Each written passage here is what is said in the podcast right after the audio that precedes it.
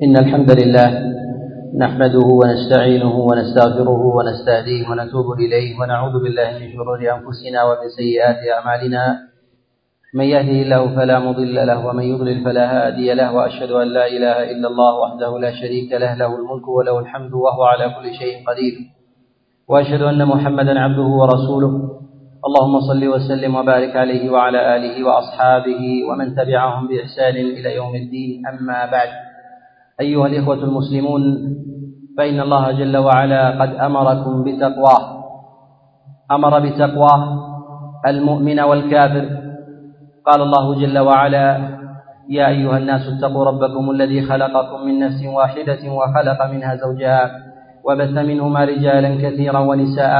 واتقوا الله الذي تساءلون به والأرحام. إن الله كان عليكم رقيبا. وخص الله جل وعلا أهل الإيمان.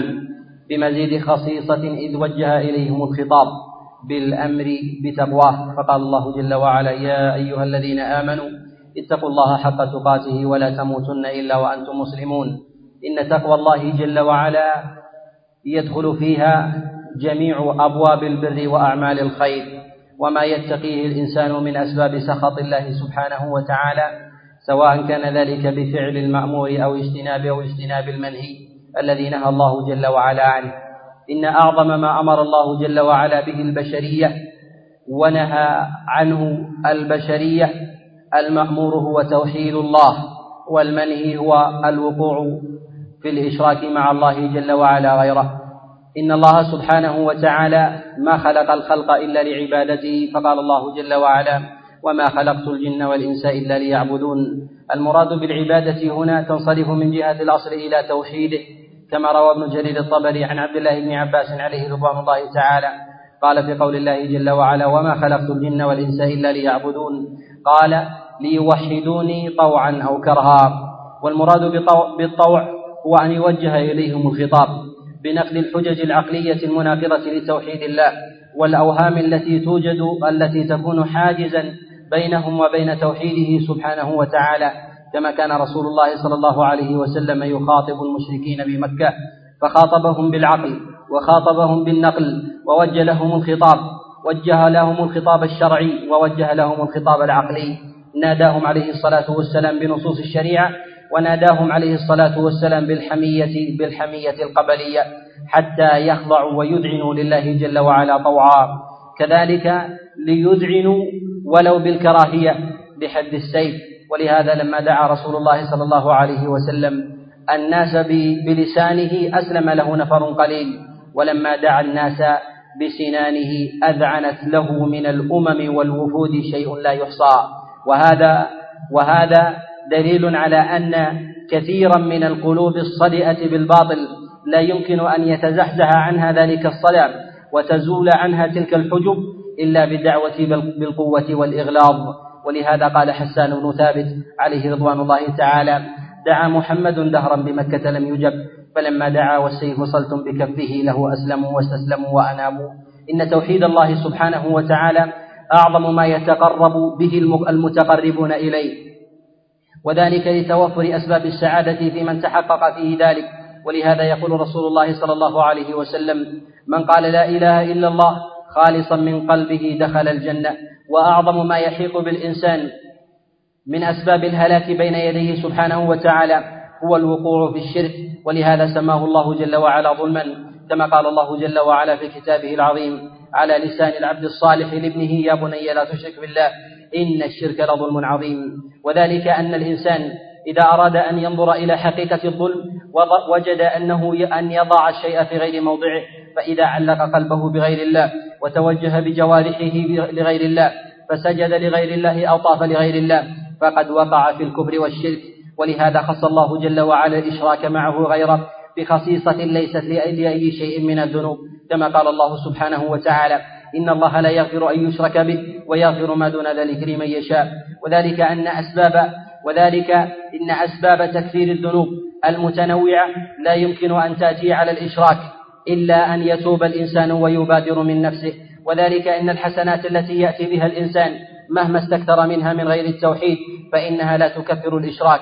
كذلك فإن دعاء الغير واستغفار الغير لا يجوز لأحد قد كفر مع الله قد كفر بالله جل وعلا وأشرك معه غيره.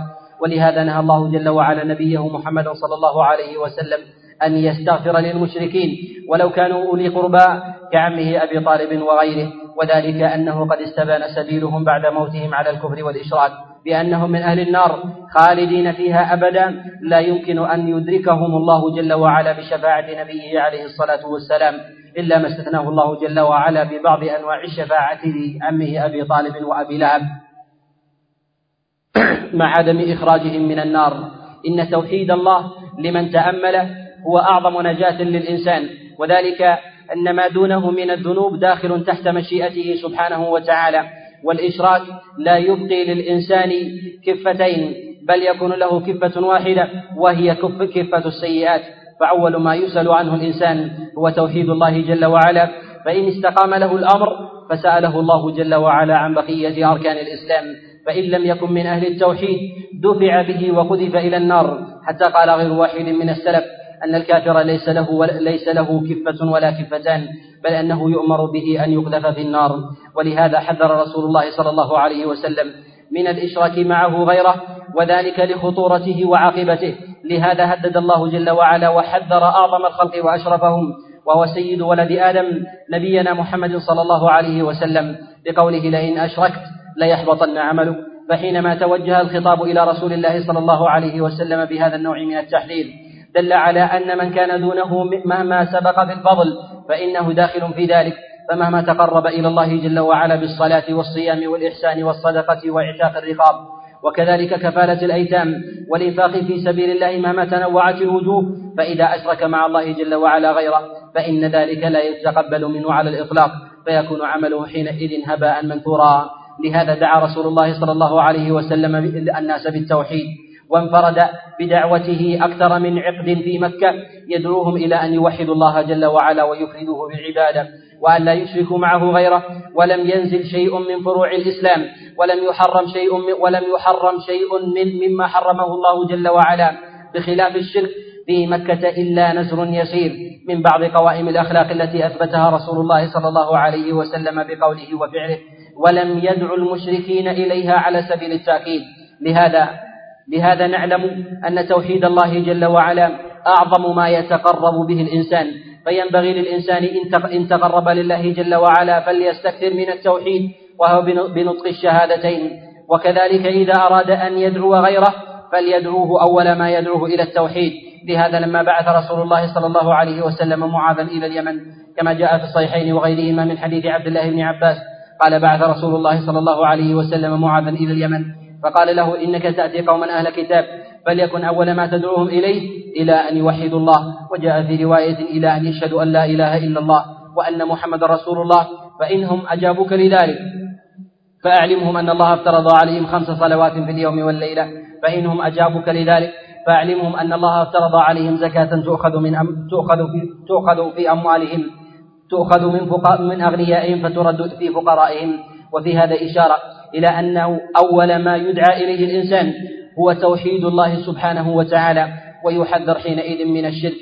إذا تؤمل هذا علم أن رسول الله صلى الله عليه وسلم ما اهتم بهذا القدر من الأمر إلا لأجل أن الصف الإسلامي لا يمكن أن يجتمع إلا على التوحيد. فإن افترق فإن افترق عليه وأتلف تحت أي راية من الرايات فإن ذلك الائتلاف يكون مؤقتا. فلا يمكن أن تجتمع راية الأمة الإسلامية على شيء من ذلك إلا على توحيد الله سبحانه وتعالى.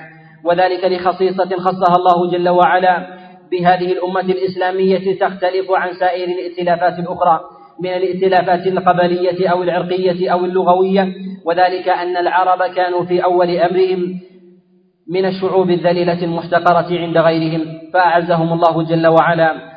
فأعزهم الله جل وعلا بالإسلام ورفعهم به فحينما يتركون ذلك حينما يبلغون القمم من الرفعة والعلو والبسطة بالأرض فإن الله جل وعلا ينكسهم إلى أرذل إلى أرذل السبل. قد روى الحاكم في مستدركه وابن عساكر عن أبي عبيدة بن عامر بن الجراح أنه قال لما خرجت أنا وعمر بن الخطاب عليه رضوان الله تعالى نريد قاصدين بيت المقدس ليستلم مفتاح ليستلم مفتاح المسجد الأقصى.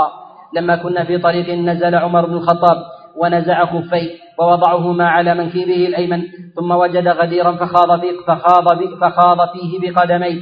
فقلت يا أمير المؤمنين كيف لو رآك الناس؟ وهذا أمير المؤمنين عليه رضوان الله تعالى وهو الذي يملك الجزيرة العربية والشام والعراق وبلاد فارس والترك وشيئا من بلاد مصر وبلاد أفريقية. قال له عمر بن الخطاب عليه رضوان الله تعالى أوه يا أبا عبيدة لو أن غيرك قال هذا نحن أمة أعزنا الله بالإسلام فمهما ابتغينا العزة بغيره أذلنا الله ومراده من ذلك نحن أمة أعزنا الله جل وعلا بهذا الدين الحنيف فإذا أردنا أن ننصرف إلى غيره بالمظاهر والخدم والحشم والأموال وغير ذلك فإن الله جل وعلا يصرفنا عن تلك العزة إلى ذلة أخرى فإذا تشبثت الأمة بأسباب الإيمان والتوحيد ودعت إليه ألف الله جل وعلا بين قلوبها وجعل شوكتها عند الأمم قوية ولا ضير أن تلتفت الأمة إلى شيء من مظاهر الحياة. يواكب ما عليه ما عليه الشعوب.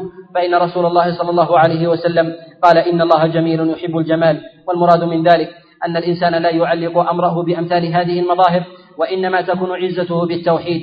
ومن نظر إلى حال الأمة الإسلامية وجد أن الفرقة قد دبت فيها بسبب انصرافها عن التوحيد فكثرت الأضرحة والقبور والمزارات وعبادة غير الله جل وعلا في كثير من أقطار الأمة الإسلامية. وفي أقطار العرب أيضا يعكفون على كثير من القبور ويسألونها من دون الله وهم في عداد في عداد المسلمين. وهذا ما أشار إليه رسول الله صلى الله عليه وسلم. بقوله أنتم حينئذ كثير ولكنكم غثاء كغثاء السيل. لهذا وجب على المسلم أن يقيم توحيد الله في نفسه وأن يدعو إليه غيره ممن حوله وهذه أمانة يحملها الله جل وعلا الموحدين. فكم من الناس يدخل هذه البلاد يدخل هذه البلاد ويقيم فيها ويأخذ من خيرها عشرات السنين أو بضع سنين ولا يدعوه من حوله إلى التوحيد ويبقى مع ما فيه من الشرك والبدع والانحرافات العقدية ولا يعلم بذلك وهذه مسؤولية عظيمة منوطة بكل مسلم علم من ذلك شيئا. وذلك أن الله جل وعلا وجه الخطاب إلى الناس كلهم ممن سلك طريق محمد صلى الله عليه وسلم. يقول الله جل وعلا مخاطبا النبي قل هذه سبيلي أدعو إلى الله على بصيرة أنا ومن اتبعني. يعني أن من كان على طريقي ينبغي أن يسلك ذلك المسلك. على ذلك النهج وعلى أو على ذلك النحو من الترتيب في مسائل الإسلام وأصوله ثم بعد ذلك فروعه ثم بعد ذلك فضائل الأعمال والسلوك. بارك الله لي ولكم في القرآن العظيم ونفعني وإياكم بما فيه من الآيات والذكر الحكيم وأستغفر الله لي ولكم من كل ذنب فاستغفروه إنه الغفور الرحيم.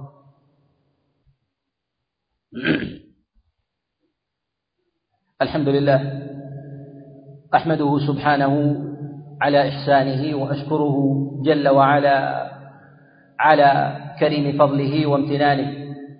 وأصلي وأسلم على عبده ونبيه محمد. اللهم صل وسلم وبارك عليه وعلى آله وأصحابه ومن تبعهم بإحسان إلى يوم الدين. أما بعد أيها الإخوة المسلمون فإن من المهمات أن يتمسك بشيء يدل على توحيد الله جل وعلا وعبادته.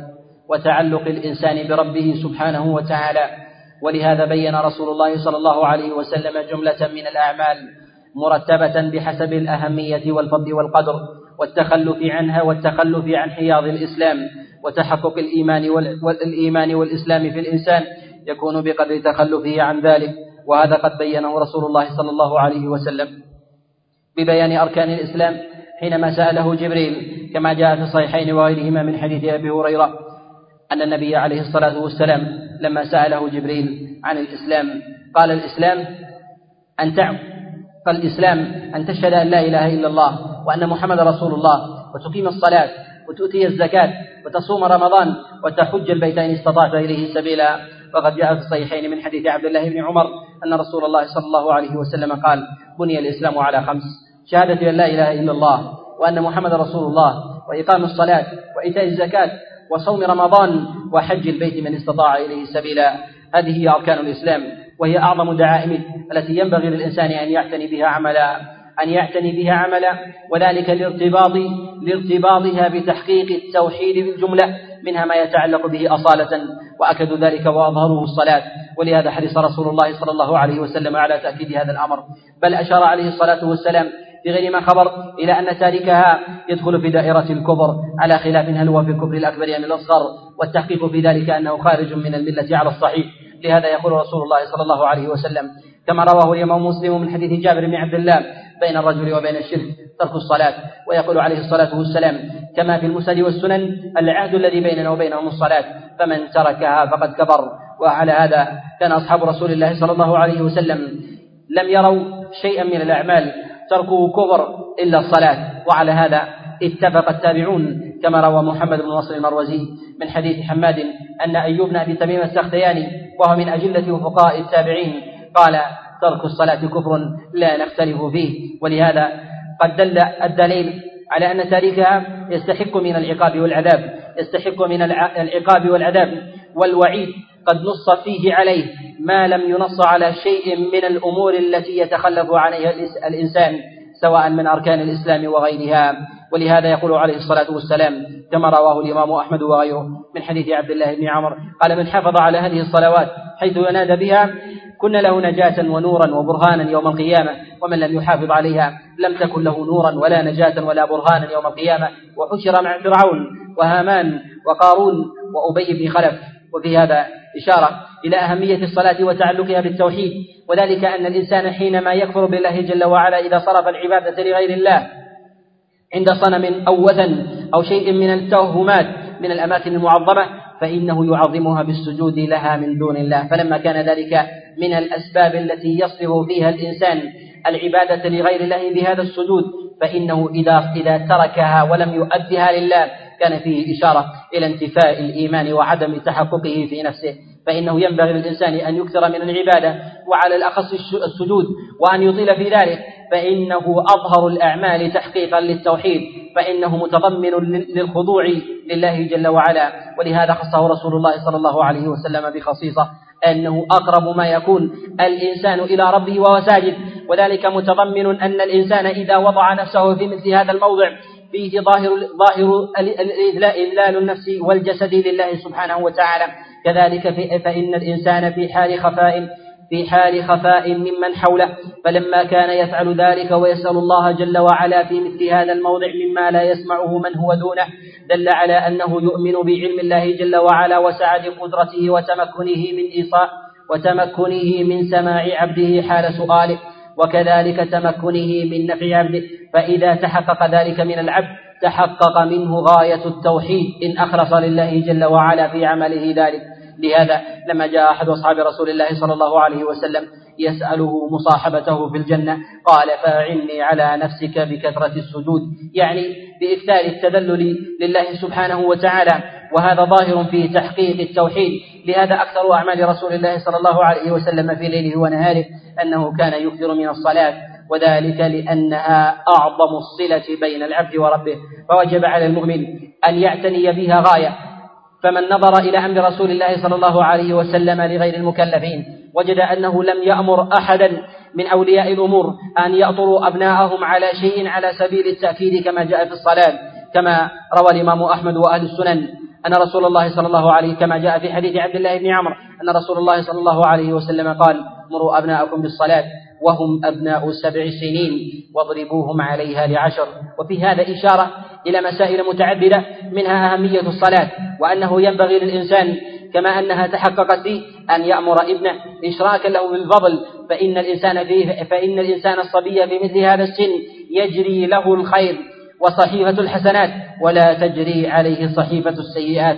كذلك أيضا فإن الإنسان فيها فإن الإنسان إذا نظر إلى الصلاة وما فيها من انضباط في أزمنة محددة. والله جل وعلا قد جعلها على أهل الإيمان كتابا موقوتا. دل على أنها فيها نوع مجاهدة لا يتحقق في غيرها من الأعمال. وجب على الإنسان أن يأطر غيره من أول ابتداء عمره كحال الصبي.